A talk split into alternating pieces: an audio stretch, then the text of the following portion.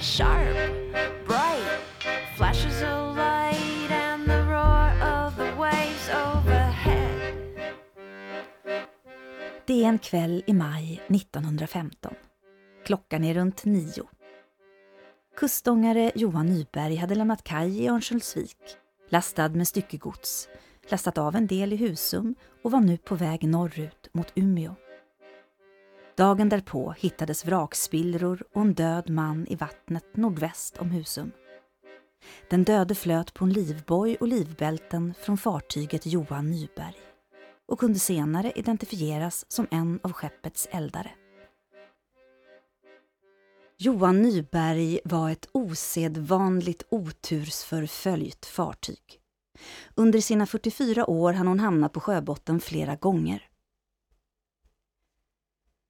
Historien började 1871 i Stockholm där hon byggdes och gick i skärgårdstrafik under namnet Vaxholm innan hon sjönk första gången. Hon bärgades, såldes till Finland, gick på grund i skärgården utanför Vasa 1887 och sjönk ännu en gång.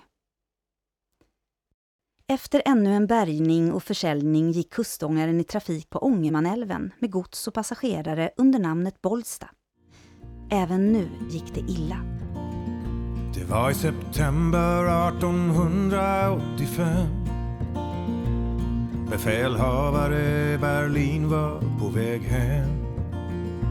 Lastat tungt med gods ifrån Härnösand. Styrde han sitt fartyg in mot älvens norra strand. Ja, det var bråda tider för en sjökapten. Ändå tacksam för sin lyckliga lott. Hustrun hade sitt jobb som skeppets restauratris. Och med två fasta löner, tre barn och ett på väg. Snart två kakelugnar i en egen lägenhet. Var det inte helt lätt att förutse. För kapten Magnus Berlin vad som skulle ske. Du lyssnar på Vrakmuseets podd och jag heter Tuva-Lisa Rangström.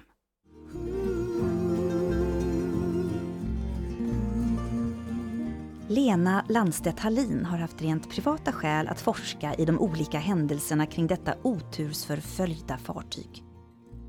Hon berättar här för Vrakmuseets poddproducent Estrid Holm just om händelsen i Hälsingland vid det som skulle visa sig bli den näst sista olyckan. I september 1885 så sjunker skeppet. Det som hände var att de skulle lasta av passagerare till någon eka. Och det har jag hittat i en bok som handlar om älvbåten. Och då i samband, då står det liksom att man de skulle lämna i en mötande roddbåt. Och det var ett vanligt förfarande för då slapp de gå in till bryggan. Men i samband med en gir så försköt sig däckslasten och då välte båten och sjönk. Och kaptenens hustru var restauratris ombord.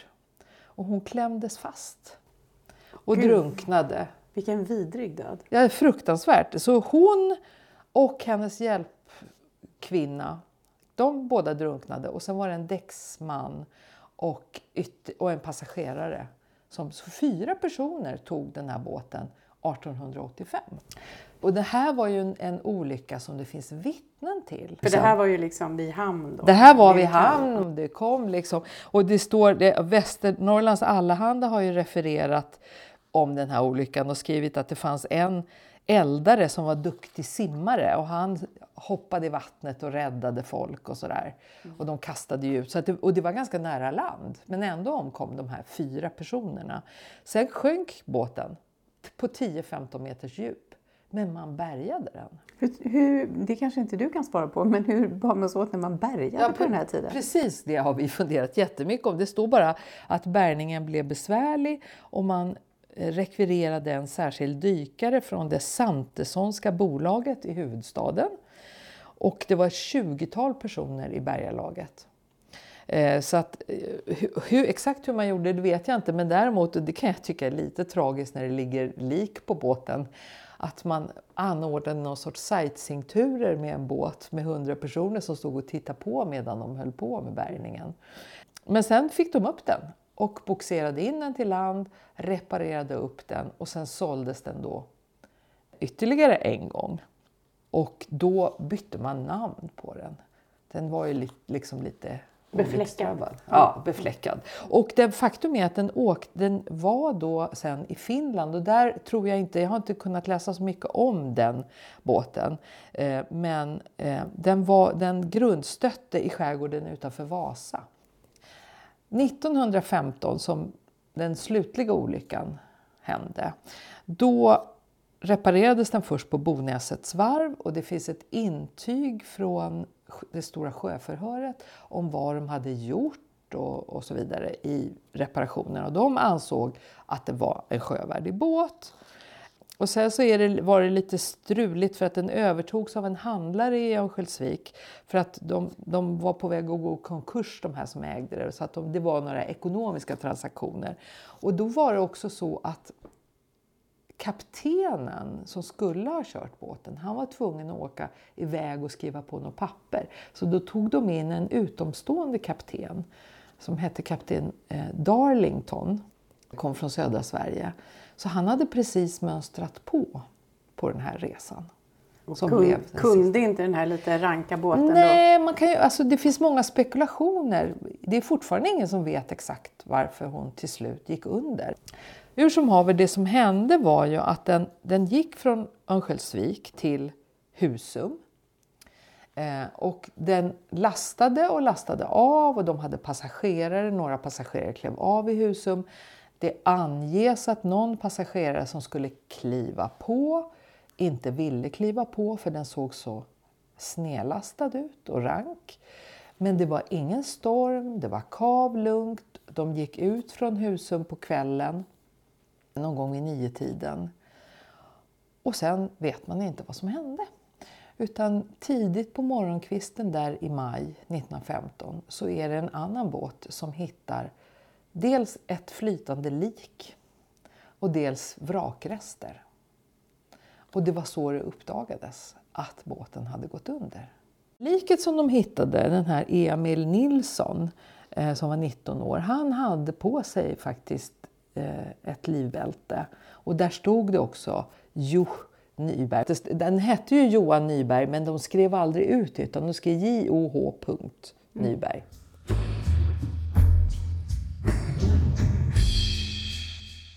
Inga andra, varken döda eller överlevande, hittades efter olyckan.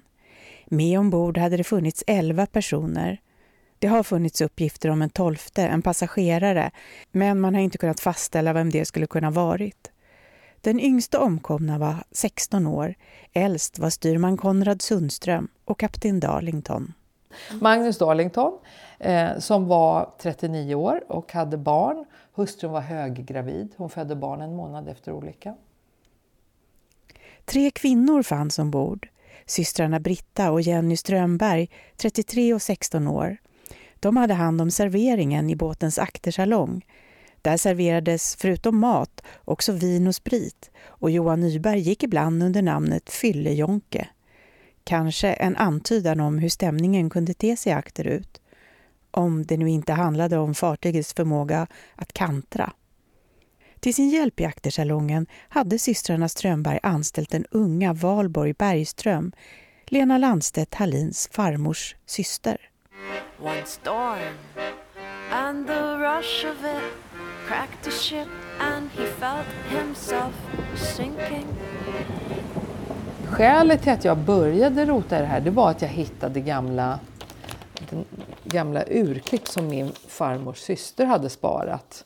Det här är ett originalurklipp där det står om Johan Nybergs undergång. Och där, där finns ju en bild, jag har ingen aning om det verkligen är Valborg Bergström, min farmors syster eller inte. Men det är en ganska underbar bild för hon sitter ju lut, hon sitter liksom ganska avslappnat. Vid köksbordet? Ja. I ett vitt förkläde och så hänger det en fin brickband på väggen. Och det står en säng bredvid också. Ja, så att det, det kan ju inte vara taget på båten. Nej. Eh, hennes liv i övrigt, hon, hon, precis som alla andra unga kvinnor på den tiden, så flyttade hon runt som piga lite grann. Eh, men, och hur hon fick det här jobbet, det har verkligen ingen aning om. Nej, hon hade inte varit till sjöss innan? Eller? Det Nej, jag inte. nej. Men jag har ju hört talas om denna valborg hela min uppväxt. För att det var så sorgligt, sa man i familjen. Hon skulle tjäna pengar till sin förlovningsring. Valborg var äldsta dottern, det fanns en äldre son, till en skara på sex barn som var min farmors far och farmors mors sex barn. Och Valborg eh, var 20, 20 år var hon bara, hon var född 94. Eh, och hade enligt vad familjen berättar bestämt sig för att hon skulle tjäna ihop pengar för att kunna köpa en förlovningsring. Tyvärr vet jag inte vilken fästmannen var, för det framgår inte någonstans. Så hon skulle ta den där, hon skulle hitta ett jobb. Och då fick hon jobb på den här båten. Och det som är ganska intressant är ju att efter att jag har berättat om den här historien för ganska många år sedan på radio så fick vi ett brev från en kvinna som berättade att hennes mamma hade haft Valborgs jobb, förmodligen resan innan. Men tyckte, hon kräktes och den var så rank och hon var så rädd. Och när hon kom hem och berättade det för sin pappa så sa hon, du får inte kliva ombord på den här båten igen. Så det var ju någonting med hur båten låg i vattnet, hur den betedde sig i vattnet. Det i kombination med en kapten som var alldeles ny, tror jag bidrog till det här. Man har aldrig kunnat fastställa vad som hände där ute i närheten av Långroudden på Johan Nybergs väg norröver. I sjöförhöret finns spekulationer om att det kan ha varit så att luckorna till lastutrymmet var öppna och att båten snabbt vattenfyllts vid en eventuell kantring. Det är ett långt sjöförhör, man har intervjuat alla möjliga människor, vad de har sett när hon har gått ut från Husums hamn, eh, hur lasten var, hur mycket last de tog ombord. Enligt flera vittnesmål så var det inte för mycket last, men det var stora potatissäckar, det var stora mjölsäckar och de låg uppe på däck. Så frågan är om de vid en gir, eller det var tydligen dyningar, det var lugnt men det var dyningar, om de försköt och så välte den. Men ingen vet. Man diskuterade, det fanns ju minor på den här tiden. Det var en diskussion som man hade, var den, körde den på en mina, exploderade eh, ångpannan? Eller var det bara det att lasten försköt sig?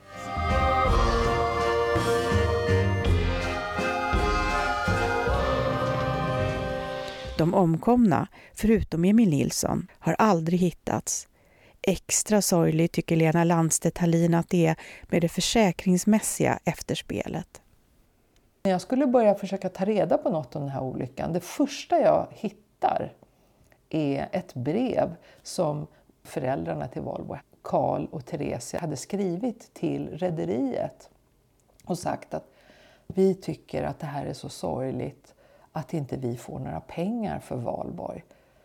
Och det berodde alltså på att hon var inte direktanställd utan hon var andrahandsanställd som extra hjälp.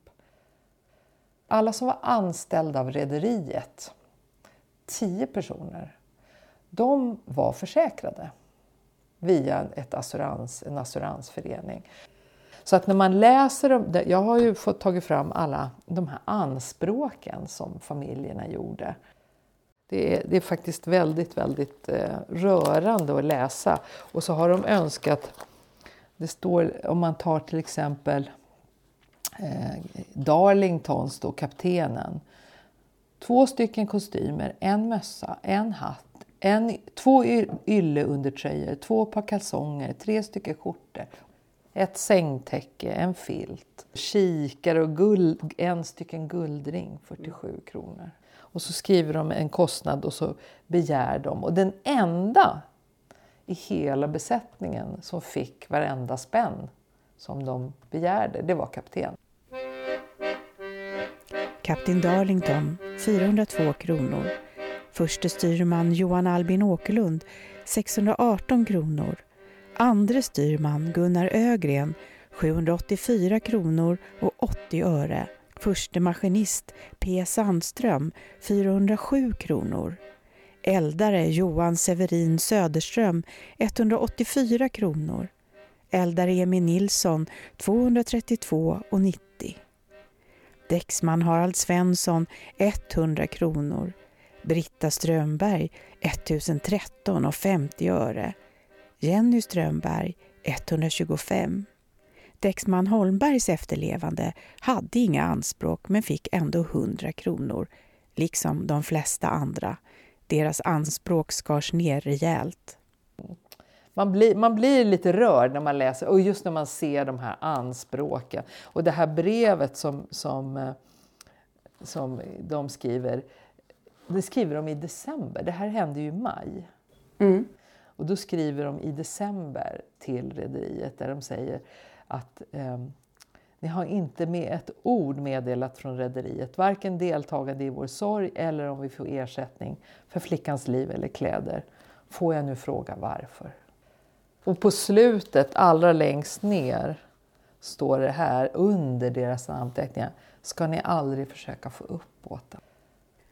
Det dröjde också väldigt länge innan vraket kunde lokaliseras, nästan hundra år senare, efter att man i ett par decennier sedan 1970-talet trott att det handlade om ett helt annat vrak. För några år sedan så fick Lena Landstedt Hallin kontakt med dykaren Stefan Rantala.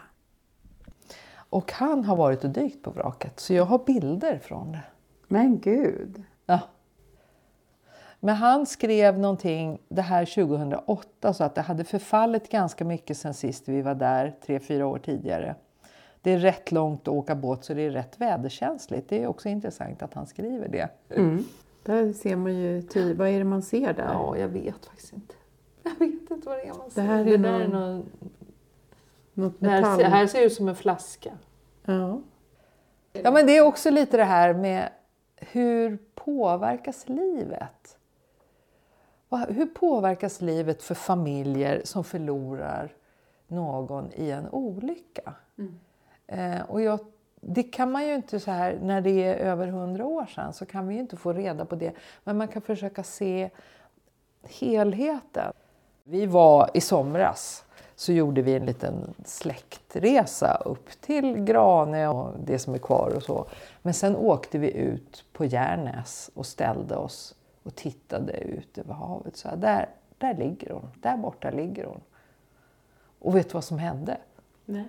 Det kom en kustlabb som är en stor fågel och slog mig i huvudet med vingarna. Och jag kände så här, ja, är det en hälsning eller? One storm, and the rush of it cracked the ship, and he felt himself sinking. Det var den sorgliga historien om kustångare Johan Nyberg och Valborg Bergström som omkom blott 20 år gammal tillsammans med resten av besättningen. Man kan fråga sig vad den tilltänkte fästmannen kände när han fick veta vad som hänt och hur hans liv gestaltade sig efteråt. Valborgs föräldrar fick till slut 100 kronor som ersättning.